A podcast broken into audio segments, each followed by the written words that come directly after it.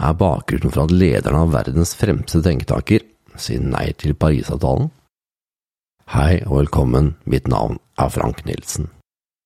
Bjørn Lomborg er ansett som en av verdens topp 100 mest innflytelsesrike personer av The Times Magazine. Han er den eneste personen i verden som har samlet 100 av verdens fremste økonomer og syv nobelprisvinnere. Vi er innom uh, hva som er årsaken til at han mener at Parisavtalen er dårlig. Innovasjon, Donald Trump, hvor mye sparer vi miljø, om vi blir vegetarianere, og mye, mye mer. Og denne podkasten er laget med støtte fra Sparebank1 Østlandet. Den snart 175 år gamle banken har siden starten vært opptatt av å støtte samfunn og folk i nærområdet. Og som første bank i Norge tar de av overskuddet og betaler utbytte tilbake til kundene. Når det gjelder bærekraft, som vi nå snakker om, så mener banken at det trengs mer kunnskap til folk flest, og bærekraft kan oppfattes som et ullent og vanskelig begrep. Og det håper jeg du som lytter fikk litt mer eh, greie på hva var i episode én. Men en bærekraftig utvikling er helt avgjørende for både oss og fremtidige generasjoner.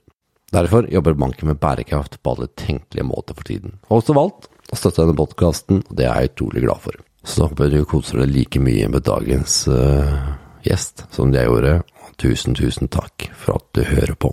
Today I want to welcome Björn Lomborg to the show, and um, I want to give you a short introduction, Björn, for people that hasn't uh, heard about you before, if that's possible.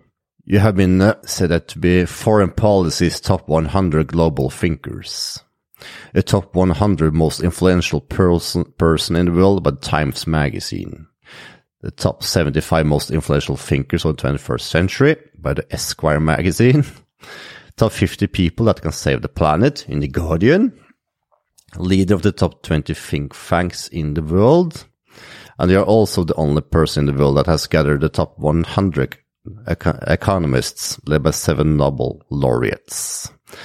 And if that is not enough, you're also the only person I think that agree with Donald Trump that he was right to do to go out of the Paris Agreement. And it's pretty impressive, Bjorn. Well, thank you for most of that introduction. I'm not so sure about the Donald Trump thing, yeah. we'll get back to that, yeah. Sure. yeah. That was some of my points. We're going to get back to the Trump part because I find that extremely interesting. I have now uh, done some research before I went, before we started this conversation to to find out why some people find you uh, in some way uh, not agreeing to the climate debate. And I find your viewpoint extremely interesting. But before we go into Donald Trump and your viewpoint, Bjorn, can you explain some of your background? Sure. So, Frank, it's great to be here. And and you know, fundamentally, what I do, I, am a, uh, I'm a researcher. I uh, used to teach statistics at the University of Aarhus in Denmark. And and one of the points that I always made for my students was, uh, you got to go check the data yourself. You know, we we have lots and lots of understandings of how the world works uh, but really, how we judge whether those understandings are right or wrong is through data. Uh, now, obviously, I was also selling uh, my students to to do uh, an incredibly uh, boring uh, topic, namely statistics. it's the way that we learn to understand what the world actually looks like, not what how we would like it to look, and not how we've been told that it is, but how it actually looks. Now, that's hard and it's difficult and all that stuff. Uh, and, and, that's why you need, uh, you know, a course in this, uh, partly so you can do it yourself, partly so you can understand when other people have done it. But the real point that then happened was, uh, I, I uh, read an, uh, an economist from the U.S. in, in a magazine called Wired Magazine that said a lot of what you believe about the world is wrong. You think that the world is getting worse and worse, but actually on most indicators, it's getting better and better. You know, I'm I'm an old Greenpeace guy. I used to have like the you know, do you remember that poster uh, where where you know one of these Indian uh, chiefs is telling you uh, only when they've caught the last fish and and uh, uh, uh, logged the last forest will they realize they can't eat gold. Uh, you know, and and and and you know, I had the uh, the badge on my backpack and was a paying member. I was never out in rub a boat, you know, with with the uh, with the Greenpeace activists. But like most people, I was really worried about the way the world was going, and, and so you know, it, it struck me as uh, incredibly implausible what this guy was saying that most things are actually getting better, not worse. But he did say one thing that really bothered me. He said, go check the data yourself. And I was like, that's exactly what I tell my students. So, you know, I, I better go check the data. And, and, and my sense was, of course, that he was wrong. Yeah, surely he must be some right wing American who, you know, just says all this stuff because it fits his ideological uh, uh, uh profile. Uh, but surely he's wrong. But I figured, hey, let's go through his book. You know, I'd take some of my smartest students, go through his book, and show that he was wrong. And it would actually be really fun. We'd learn a lot of stuff in the, in the meantime, and we'd actually, you know, uh, prove him wrong and, and show that yes, hell, hey, the world is going to hell in a in a uh, in a, uh, what is that expression in a handbasket? but anyway, that, that it's that it's going really badly. Uh, and, and, what happened then was over the next half year, I uh, met with my students once a week. It was you know off uh, it was not a, a, credit course or anything. We just did it because it was fun, because it was interesting uh, to go through all the different areas of saying, you know, how are life quality moving? How's the po- uh, issue with with malnutrition? How's the problem uh, with with uh, air pollution? Uh, in the first and the and third world, and so on, all the different problems the world is facing, and look at how are things moving in the right or in the wrong direction. And most of the places, this guy was actually right.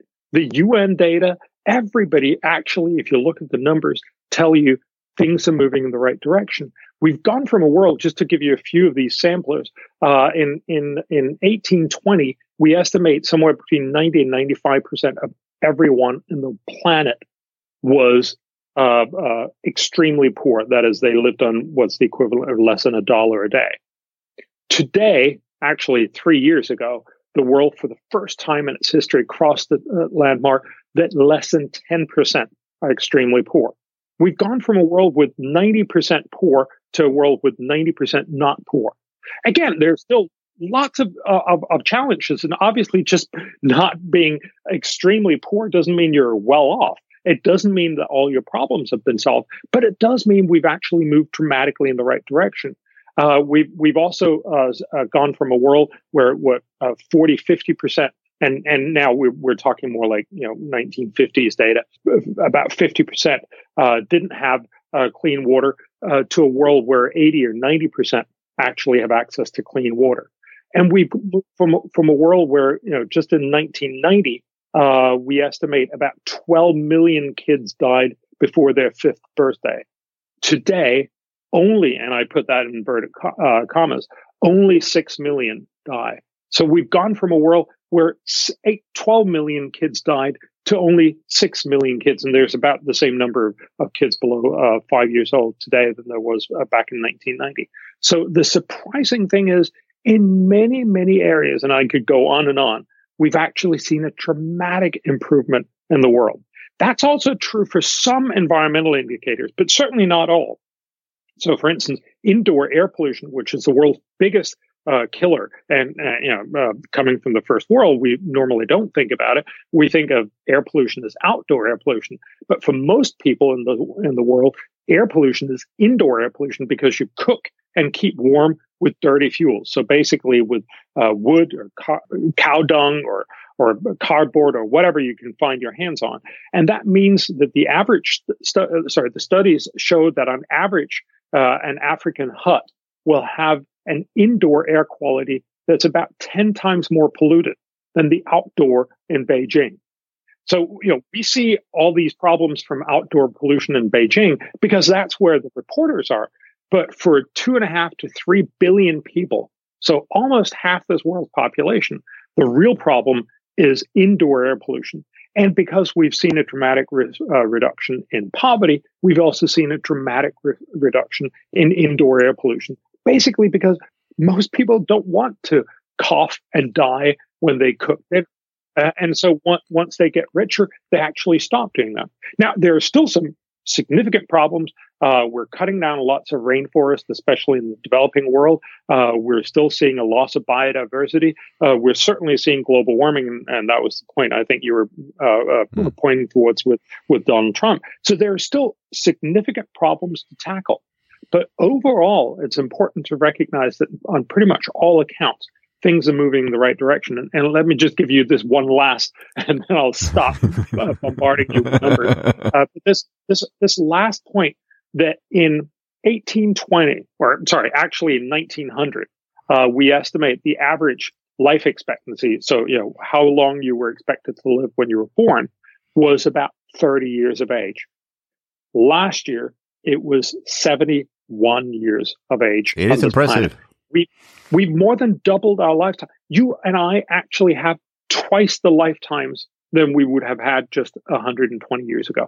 And that's an astounding achievement. Again, it doesn't mean that there are no problems, but it actually is worth pointing out how amazing it's gone.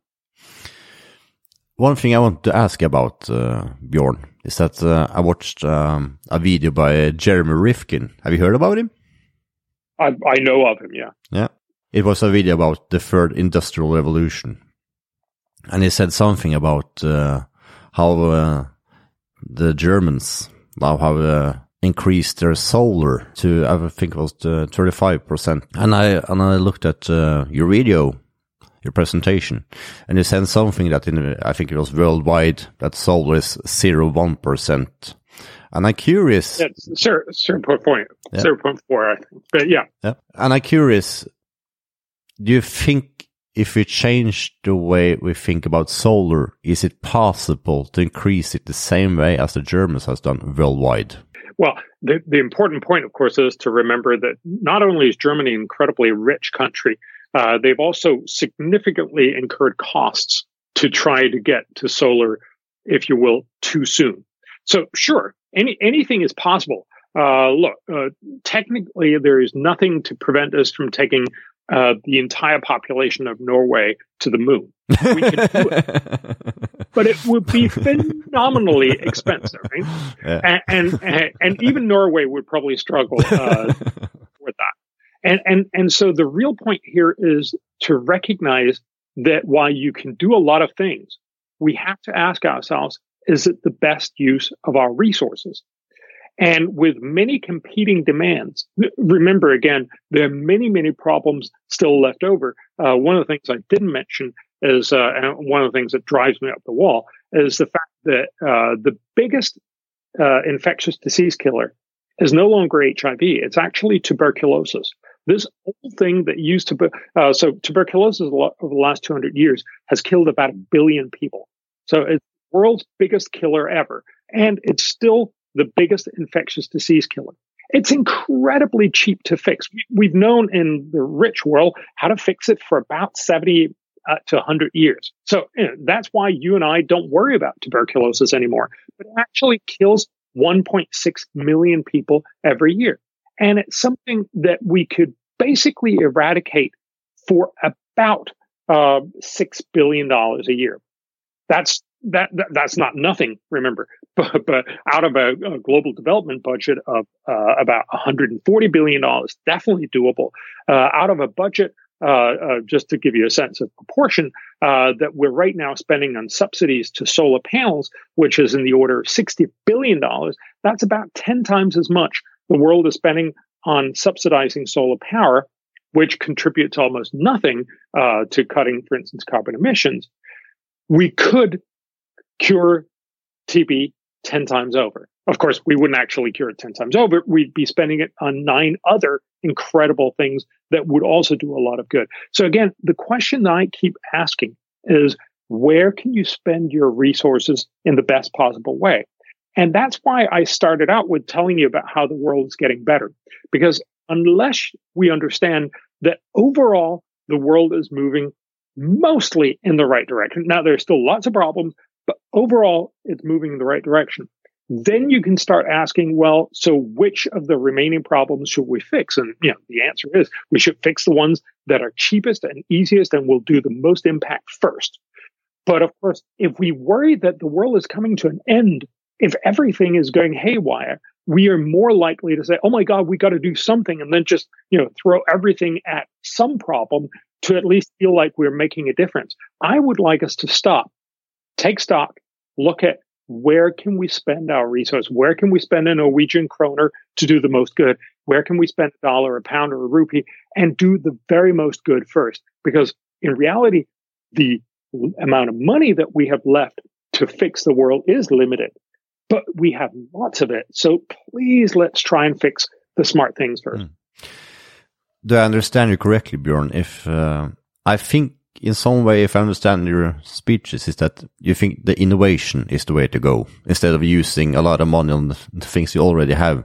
It's better to use uh, more money, use that same amount of money on new innovation to solve the problems. Do I understand your speeches correctly? So, so yeah, yeah. It, it, it, it depends obviously what we're talking about. So, so uh, some things we don't need to innovate. For instance, uh, on tuberculosis, it'd be great to find a, a good vaccine and, and, we should definitely be spending some money on that.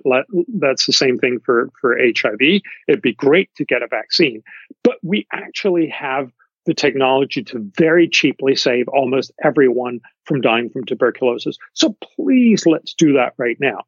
Uh, some things we should definitely be focusing on innovation.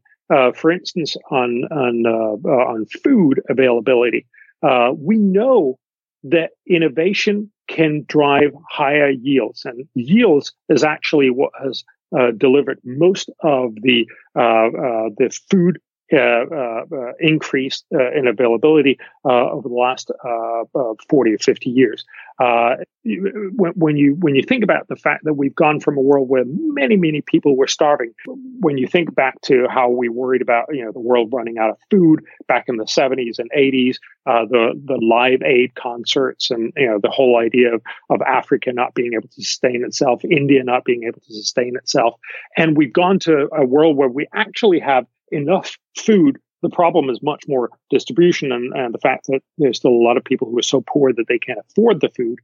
If we focus on getting more food out, we can drive the price down and we can do so through innovation. That means making more food on every hectare of land. That also means that we preserve forest because we don't cut down more forest. We simply produce more food on the same amount of land. Now, I think the innovation that you were talking about is probably on the global warming front. Uh, so, so uh, when when you're thinking about global warming, global warming is a real problem. It's caused by uh, mostly by emitting uh, uh, CO2 from fossil fuels that we burn because fossil fuels basically power everything we like about civilization.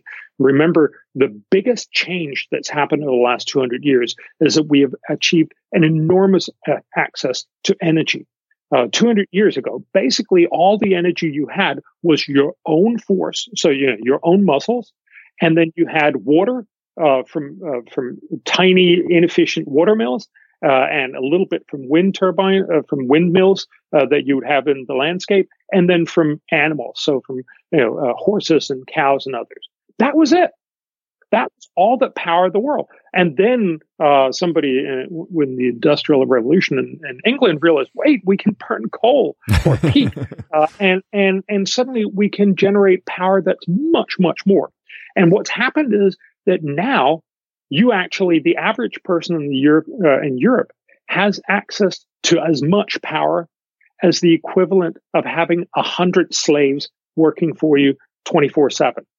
So in, in essence, we have access to, you know, you have a washing machine that'll uh, take out, you know, hours of your work that usually was done by women that would have to backbone uh, and scrub the, uh, the, the, the, clothes to keep them, uh, to keep them clean.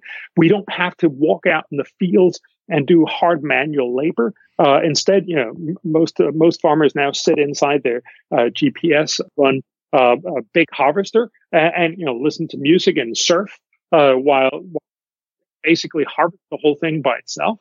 So so you know we've gone from a world where everything was backbone crushing to a world where we can reliably have everything happen for us. You can fly to distant places that would have taken half a lifetime uh, to get to.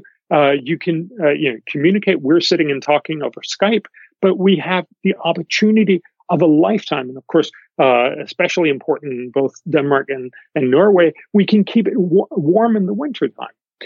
That happens with fossil fuels. Telling people, could you not do that, is not going to su- uh, succeed unless you have something else that can take over. And that's, of course, where people are talking about solar and wind. And the problem is that solar and wind right now constitutes a very small part of the energy that we use. It's less than 1% now. Uh, by 2040, it'll still be less than 4% of global energy. Why? For two reasons. Partly because it's more expensive, and in many ways, it still will remain so. It's certainly more expensive than most of the power sources that we've already built, which is why you need to subsidize it.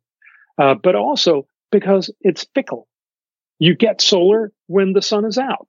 But what do you do when the sun is not out? What do you do at night? Uh, and likewise with wind, what do you do when the wind is not blowing? Uh, and so if you want to have good energy uh, uh, opportunities, you really need to back this up with lots of batteries. And then suddenly the cost calculation becomes a very different one. Now, in Norway, Sweden, and a few other places in the world, you can do that with hydropower.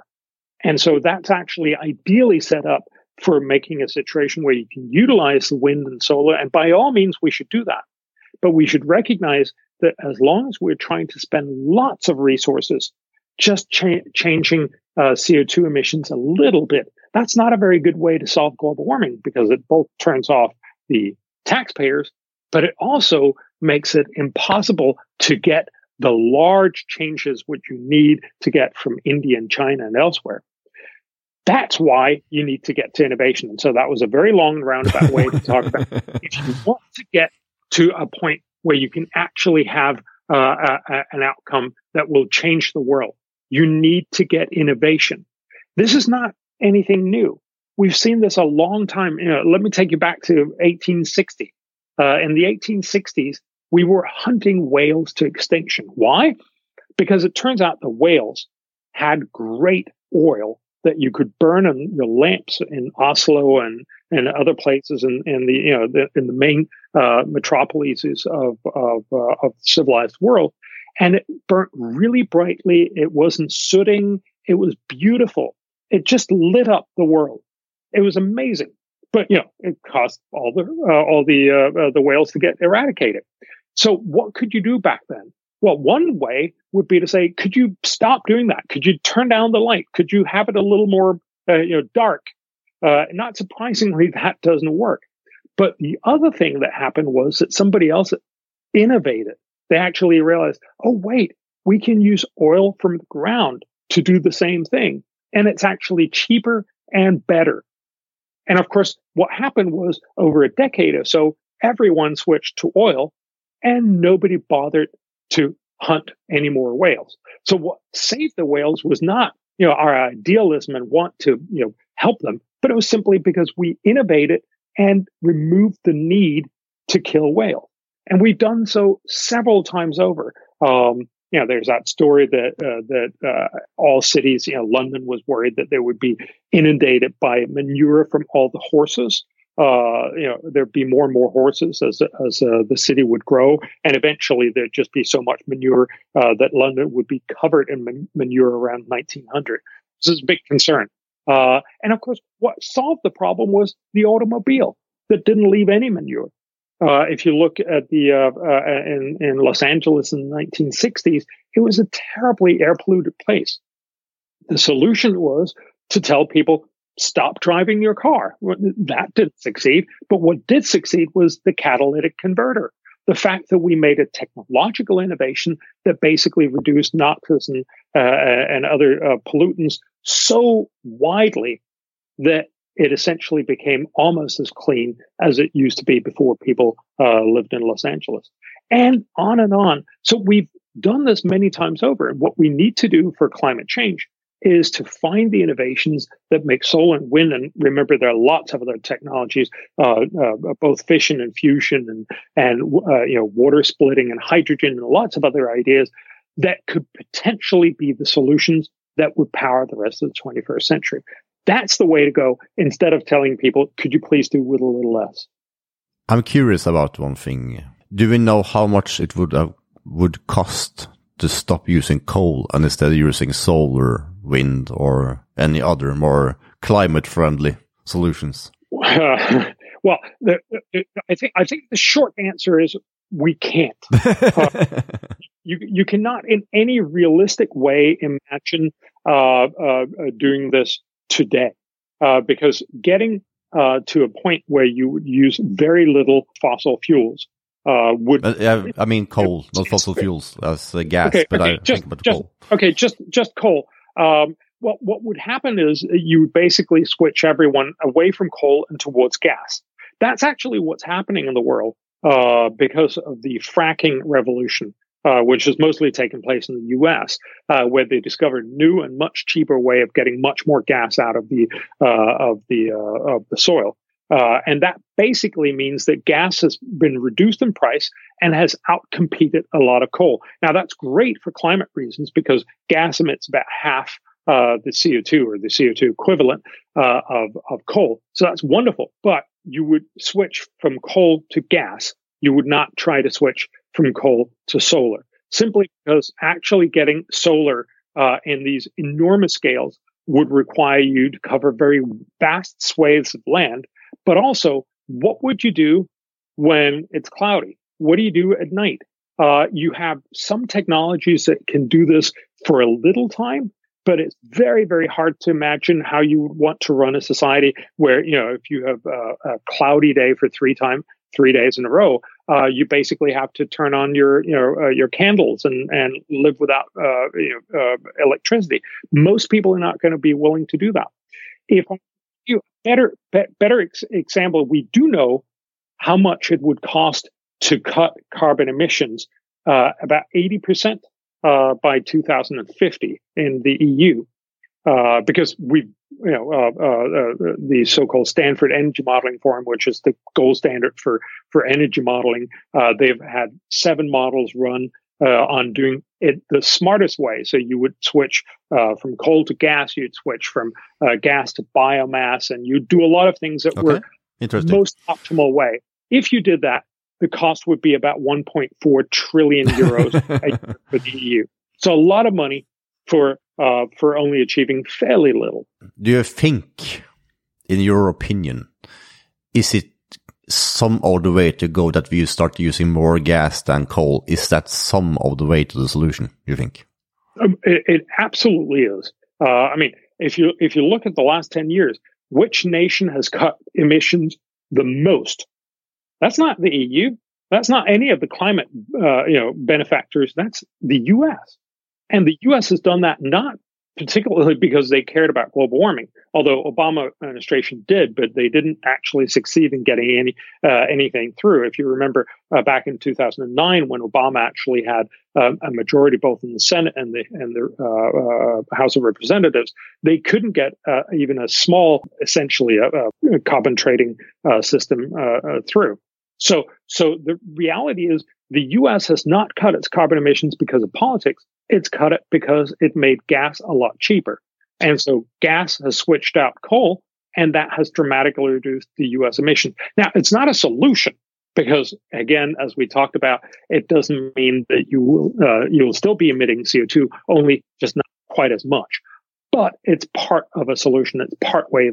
I think I understand. One other thing I'm curious about. What do you think is the mindset we need to have on the top level for the top leaders, what mindset do you think they need to have to find new solutions and new ways to think about the problems we have? In some ways, and let me take a little bit step back uh, to answer your question. Uh, and and our conversation is actually a good example of this. You come from Norway, I come from Denmark. Uh, we're we're rich country people. We don't worry about tuberculosis or running out of food or, or, or, you know easily curable infectious diseases. Schools that uh, that basically can't even teach our kids to read one sentence or possibly even a word. There are lots of things we don't worry about. We don't worry about going into our kitchen and getting polluted, like smoking two packs of cigarettes, because there's so much indoor air pollution. So we talk, we end up talking very quickly about global warming. Now, global warming is a huge problem for many people in the first world. We talk a lot about it. But if you take a look at the total size of it, if you look at what the UN climate panel, the so-called IPCC tells us is the net impact. If we don't deal with global warming at all, and, and remember, that's not what I'm suggesting we should do. if we didn't do, deal with it at all, by 2100, the impact of global warming, if you t- uh, if you add up all the impacts across the world on everything. So more people would get flooded, more people would experience uh, extreme weather, uh, more people would have uh, you know longer droughts and all this stuff. If you add up all of that, it's the equivalent of losing somewhere between two and four percent of GDP. So it's equivalent of making each person on average about two to four percent less well off. Now that's a problem. That's certainly something that would be good to try to fix. But remember, most other problems, so health and education and gender issues, have impacts of 10, 20, 30, 50% of GDP. That is, we're talking about much, much bigger problems. And so the big issue that I would like us to take a step back from is to recognize that the world's problems are not necessarily the same thing as what we're thinking about in Norway. Uh, we we tend to think a lot about a few things that make headlines, that make good, uh, you know, top topics for for CNN and other uh, uh, broadcasters. But actually, the UN asked people around the world, "What would you like us to focus on?" Uh, for their next set of development goals, which are called the Sustainable Development Goals, they asked almost 10 million people. It's the largest survey that has ever been done. They asked them 16 different things and said, please prioritize which ones do you think would be the most important ones to fix. And not surprisingly, the top ones was better health, jobs, education, and food, and no, no corruption.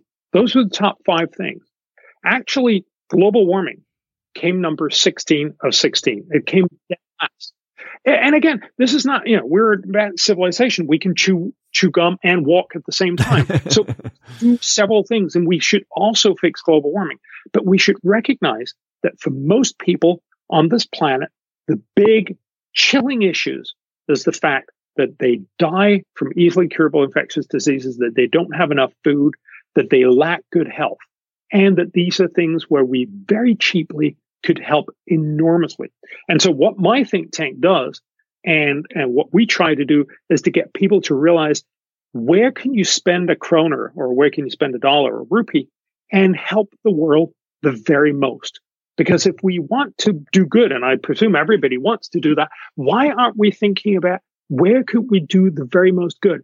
Chances are it's going to be the things that you haven't heard of because the things you have heard of, we're already spending lots of money on. But the real issue is the overlooked issues where we very cheaply could do an enormous amount of good, like tuberculosis. So to answer your question, what kind of framework would you like our leaders to have? I would like us to take a step back and realize if we want to leave this planet much better than we found it, we need to ask the questions where can we do the most good first? The reason I'm curious and the reason I wanted to uh, ask you about these questions, Bjorn, is that uh, from my perspective, I was not uh, an, an, and is not an environmentalist. And uh, until this summer, I didn't think about the environment at all until I was uh, invited to a sailboat to look at um, all the microplastic in the ocean, you know, in the in a Norwegian fjord. And when I saw this microplastic, I was uh, it was it was uh, scary to look at all this plastic in this ocean. It, it made me think about the environment. What I think, at least, is that if we do not change our mindset about how we treat the nature, for example, all the plastic in the ocean. We, it was a study done in Belgium, I think, a couple of weeks ago that uh, they uh, saw that it was uh, plastic in, in humans now. So we have plastic in the, in our, uh, in our food and in the, in the, in the system. So I think that if we do not think about how we can do something about the pollution and the environment at the same time at we, that we solve these bigger problems, I think we have a problem on our hand. I think that pe mm. as people, we are good at thinking about one thing or the other. We are not that good at thinking about uh, more yeah. things at the same yeah, time. I think that I, is some of the challenge. Yeah, I think there's two points to that. Uh, one is you're you're absolutely right. We tend to focus on uh, on on a few things, uh, but of course, as a civilization, we actually have lots and lots of people working on things you've never thought of. Uh, and, and, so, in, in, that sense, we we are able to to to focus on a lot of issues at, at the same time. Uh, with that said, uh, let me just challenge you a little bit on the on the microplastic uh, uh bit, and, and, and it really goes. Uh, if you look at the uh, the history of environment in in Europe over the last 20, 30 years, we have been incredibly focused on the ocean. so it's been very focused on uh, on uh, it used to be hypoxia, so uh, oxygen depletion, and you know uh, fish would die uh, because of too much nitrogen leakage, and then uh, possibly also phosphor. Um, and and and now increasingly it moved towards microplastics. Both of these are think are issues where we would be better off if they were not there. But but I can't help thinking that it's surprising that we worry so much about a place which mostly is a place that harm where it harms, you know, say lobsters. But we care so fairly little about the fact that for most people in Europe, the biggest environmental problem, and this is, you know, if you if you look at it in terms of number of dead, there's just no doubt that the biggest uh, the biggest pro- environmental problem in in uh, in Western Europe is outdoor air pollution. So we estimate it, it, it kills about 160,000 people per year. Just to give you a sense, uh, we, we estimate uh, at least uh, 40,000 of those are killed by people burning wood logs in their you know uh, in their uh, in their in their homes for uh, to to feel good and then basically kill their neighbors so so so and of course also themselves but you know sort of part of part of part of their own choice so so again it's it's a little odd. While I, I agree that we should also be concerned and be looking at solutions to uh, microplastics, why is it we're not much more focused on the fact that many kids, and, and again, I know this number from uh, Copenhagen, I don't know what it's for Oslo, but it wouldn't be surprising if it was about the same. About 3,000 people die in Copenhagen every year uh, from outdoor air pollution. Why the hell is that not the main priority? That's about 10 times as many as die in all traffic accidents in the entire Danish uh, uh, uh, nation. So, yeah, we, we have no sense of proportion. And, and, and that's again, so I, I want to us to get a sense of proportion, both in the sense of what can we do about the problem and how much is it going to cost. And chances are we could do a lot more by focusing most of our efforts on outdoor air pollution in Western Europe, and obviously, you know, focusing on these many other issues of uh, tuberculosis and all the other stuff I talked about in the developing world. But the reason why I think is because outdoor air pollution is old and boring. We've heard about that. It actually used to be a lot worse. It's sort of it's it's now fun. You know, you want to hear about the new things that are dangerous and scary and make good headlines and and look great on TV. Uh, and, and, you know, global warming obviously fit, fits that. But there's also this sort of scariness to microplastic, what could possibly mean. Uh, if, if you remember, much of the environmental movement back in the 60s and 70s were born off the, the, the intense worry on cancer back then we worried about all these uh, uh, these uh, uh, you know, pesticides and other uh, chemicals that were causing uh, cancer. Uh, the in Rachel Carson's original formulation, she was in, in some ways the founder of the modern environmental movement with her book Silent Spring in, uh, 1962, uh, where she worried about uh, DDT and other pesticides uh, would not only kill all the birds and hence we'd have a silent spring, but also kill all our kids and kill everyone. We'd, we'd have an epidemic of cancer. Now, of course, we know that most of what we were seeing was the fact that we were finally learning to live longer. And of course, what happens when you live longer, you have much more risk of dying from cancer because if you don't die from other things, you either die from heart disease or from cancer. Uh, and, and, and so what what's happened, uh, and and we also saw the huge impact of of smoking throughout the 20th century. Uh, and actually, we see declining levels of, of, of, of cancer death rates, uh, partly because we've gotten better at uh, not exposing people to it, partly because we've gotten a lot better uh, at, uh, at uh, curing people. But the net outcome is now we don't worry about that. And now we look for something else, like plastic. And so I, I, don't mean to belittle it, uh, and we should definitely be also concerned about it. But in the big scheme of things, if you want to do something in Western Europe, you should be uh, for the environment. You should be focused on outdoor air pollution uh, by far. You know, sort of orders of magnitude more. Uh, what do you think about the Paris Agreement, from your opinion? So the Paris Agreement on on uh, uh, on uh, tackling climate change mm. is uh, is hailed by many as a uh, as a major breakthrough. Uh, in in many ways, I think you can see as the sort of final failure of of the approach that we've spent the last twenty years of doing. Uh, we started climate policy back in 1992 in the Rio uh, Agreement. the rich countries promised to keep their emissions uh, by the year 2000 at 1990 levels, and they failed. Uh, then in Kyoto, we promised to cut our carbon emissions about 5.2% uh, below 1990 levels in 2000, around 2010, and we pretty much failed. Of course, the U.S. actually left that treaty. So we've spent the last 20 years promising stuff that we then didn't actually do. Uh, not surprisingly, because remember, cutting carbon emissions is a nice idea, but it actually means that you have to do something that's more costly for yourself. And, and since most nations don't actually like that, it's really easy to promise far in the future, yeah, we'll do something that's hard, but you know, somebody else will get to do it. But then actually doing it turns out to be really hard. So we've spent 20 years of trying to do that. Now Paris changed the tack. They said, all right, let's not actually promise something. Let just every nation promise whatever they want themselves. And let's stable it together and call it a treaty. Uh, and then, not surprisingly, you actually got a treaty. But what's happening is even the things that the countries themselves have promised is not actually being kept. Uh, a, a, recent study uh, published three weeks ago, I think, uh, showed that only 17 out of the 192 countries are actually doing what they promised so far. All the major emitters, and of course, Trump is out of, of, of Paris. So, so the, the, the real point here is to say, if you care about climate, you should want something that would work better than toothless treaties that haven't worked for 30 years.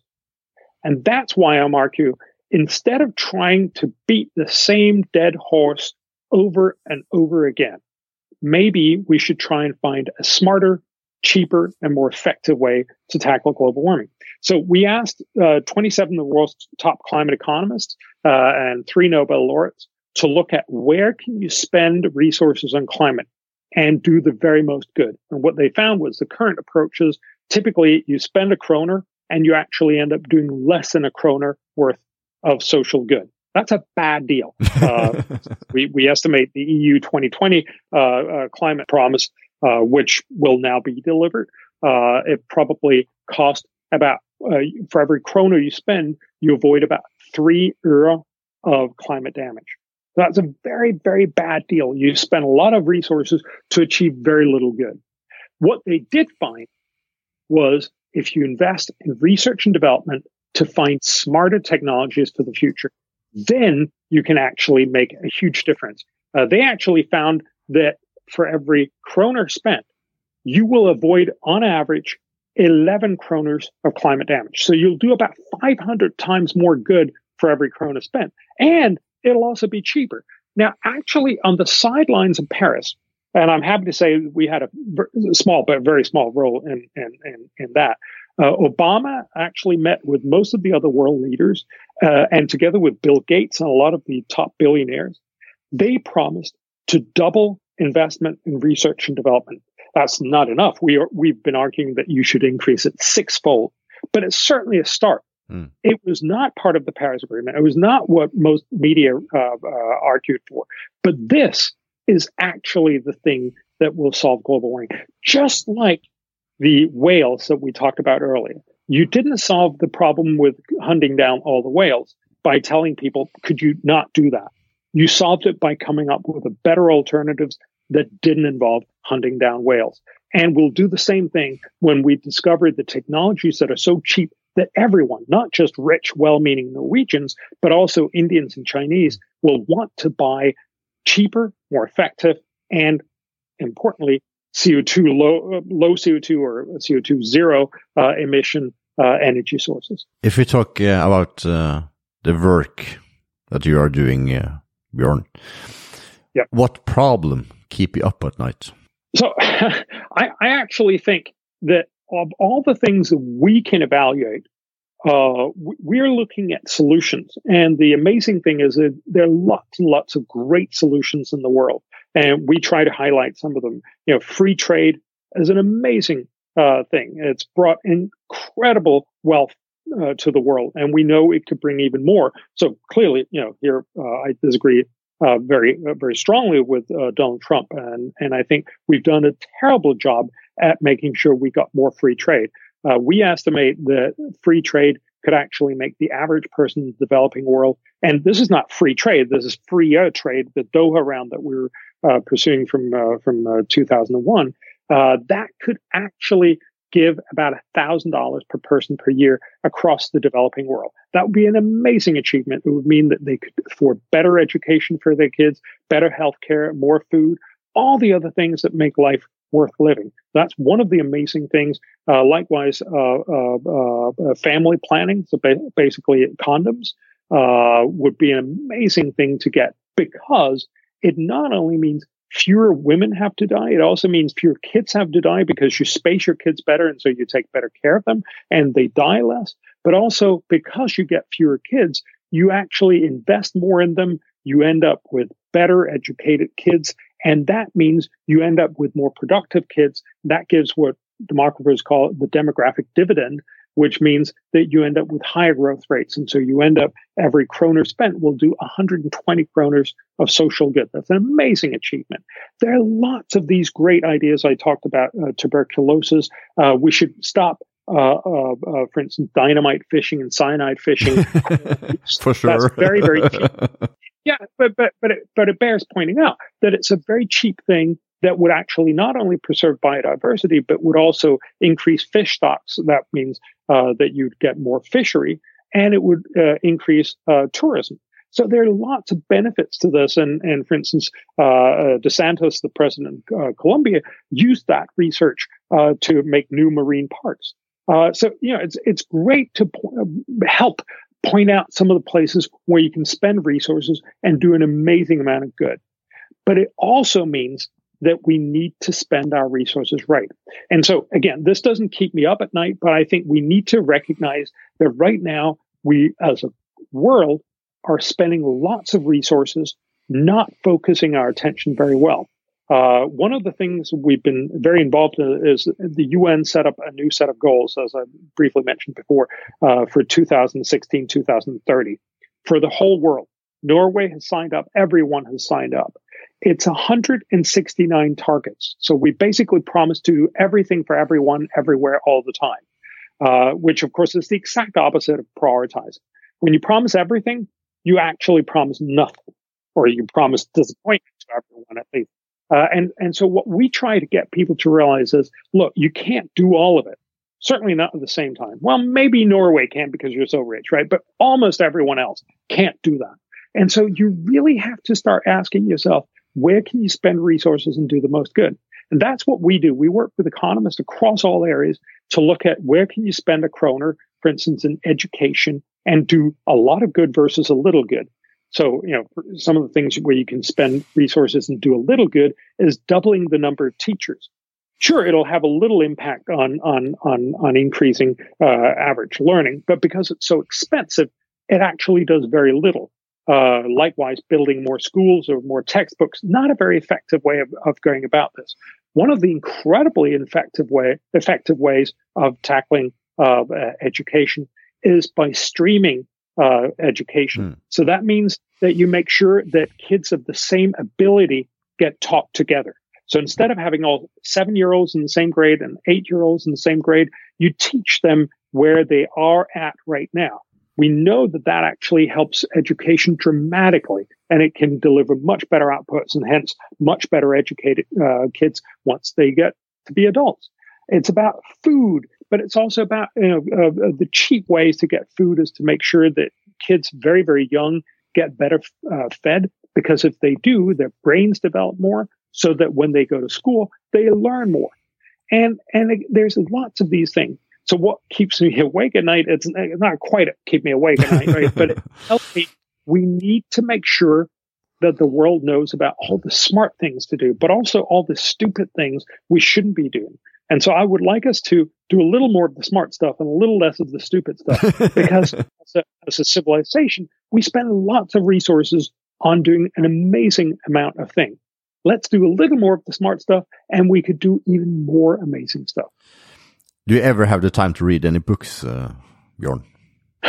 Well, uh, no, I, I, would love to be able to do that. No, I usually just read uh, like you know uh, uh journals, uh, and and and unfortunately, very often you know just the abstracts and the conclusion, and then you need to sort of uh, see how much more you, you know. I've, I've just way too much stuff, and as you can also, one of the problems that I have is because we look across all areas, we don't just look at what's the smartest stuff you can do in education, but we also look at you know healthcare and and okay. forest and and biodiversity and infrastructure and conflict and violence and energy and all the other st- uh, stuff. Uh, I, I, basically have to know stuff about everything. So, uh, no, unfortunately, I would love to be able to do that. Were you about to recommend a good book? No, I'm going to ask you about uh, recommending a good book. well, uh, actually, let me just. Uh, so, so one of my good friends, Steven Pinker, yeah, who, whom I believe great author. Yes, yes. His new new book, Enlightenment Now. Oh, I did actually read that. Uh, it's a great book, and and basically what it points out is exactly what we started off talking about. That look, on pretty much all objective accounts, the world has gotten better and better, not worse and worse. Again, it's important that this doesn't become Pollyanna. That oh, you know, nothing can ever go wrong, and we're just headed in the right direction. There's certainly some things that are disturbing. You know, the the sort of fake news approach, uh, the fact that that the um, that there's a lot of lot of sort of deterioration of of institutions as I see it. Uh, I don't have any good answers to that, so you have to interview some other people uh, uh, on those things. Those are some real issues, and and so just to get back uh, to your, you started off with saying that I agreed with Donald Trump. I, I, I said in a little provocatively in, a, in an op-ed in in Washington Post that Donald Trump might be right in rejecting the Paris Agreement because, as I pointed out, it'll actually do very little at fairly high cost. If he then spends a lot more resources on research and development into green energy, because that is the much smarter solution. So I was basically making a pitch for him to, hey, you've said you're not going to accept the Paris Agreement. Now be smart about it. Unfortunately, and perhaps very in character, he decided to not be that. Uh, and so he decided to also cut uh, uh, spending on research and development. And so, in that sense, no, I don't agree. no, no. But I, but I think he pointed out that the current thing that we're doing, namely with the Paris Agreement, is essentially uh, uh just virtue signaling. It's uh, rich people saying, "See how good I am, and I'm trying to help the world." We're spending lots of resources, but actually doing very, very little to help the world. I would like us to take all that money spend it wisely. That is, spend it on research and development. We could spend a lot less, do a lot more good. And then we could also have money left over to fix all these other very important problems that we know how to fix very, very cheap. Uh, where can we read more about your work? Where can we follow what you're doing? Yeah, so I, I write a lot of op-eds uh, around the world, uh, and you can follow on. Uh, you can go to lomborg.com or CopenhagenConsensus.com uh, and sign up to my newsletter. Uh, I've uh, uh, we've we've done a lot of work in individual nations. So we just finished prioritizing two states in India. Uh, and again, you know, uh, for us that seems far away, but each of these states are the size of France, you know, uh, both in in, in size and the number of people. so for Andhra Pradesh and Rajasthan, uh, and and we've done books on that. I doubt that most people will want to know about that. Uh, certainly in, in Norway and, and, and Western Europe. Uh, but fundamentally, if you go to our website, so mm-hmm. CopenhagenConsensus.com or Lomborg.com, sign up to our newsletter, and you'll actually get some of the smartest things uh, that we've written about every week. Uh, sorry, every month. And I think you'll find that some of these things will challenge you. You know, some w- one of the latest things that I just did um, and this is this is basically because I had to participate in a, in a debate in Denmark. Um, I looked into how much does it actually help the climate to go vegetarian. Okay, uh, that's interesting. So, so Let's hear. I'm vegetarian. I've been vegetarian for most of my adult life, uh, and and because I don't want to kill animals. Um, but you know, a lot of people want to cut down on their meat consumption because they want to help the climate. Hmm. Uh, and, you know, when you read about it, it's, it, it, you know, you see 20, 30, 40, 50 more percent of your emissions you can save by going vegetarian or vegan. Turns out that almost all of those very large numbers are uh, connected to saying of your food emissions. But of course, your food emissions are only about a, a fifth of your total emissions. So it's much, much less. Uh, so actually, uh, your real emissions, if you look at the, uh, best systematic review that's out there that sort of looks at both the very optimistic and the very pessimistic studies that have been done, uh, estimate you can probably cut about 4% of your uh, personal emissions in rich world country setting uh, by going vegetarian. But, and there's an important but here, because vegetarianism is cheaper than eating meat, you have more money left over. So, you know, for, for most people, it's uh, a, a, recent study in Sweden showed that it was about 2% uh, more. Uh, and you're going to use that money. You're going to use that money to, you know, go to Mallorca or, uh, or buy a car or, you know, buy one more haircut. But if you look across all your consumption, that actually means you'll end up emitting about 2% more. So you save 4%, but you also emit 2% more because you save money. It's called the rebound effect in, in economics. So the net impact of going entirely vegetarian is the equivalent of cutting 2% of your emissions. And oh, by the way, you could have achieved that for if you had just bought the emission rights from the European trading uh, system, uh, which basically means you would cut that amount of CO2 this year. Uh, you could have done that for six dollars, which is what uh, about uh, 50 kroners or something. Um, so, yeah, uh, going, going vegetarian will help a little bit, but please don't believe that this is going to fix global warming. So those are the kinds of things that you'll be able to see. Thank you so much for taking the time, Bjorn. It was extremely interesting. I like getting uh, getting more perspectives to think, and I I need to get Steven Pinker on because I loved his book and he's a great yes. author. and Enlightenment now yes. is uh, is perfect for the subject. So thank you so much for taking the time, Bjorn. All right, brilliant. Thank you. Have a great day, Bjorn. All right, you too. Bye bye. Yeah, bye bye.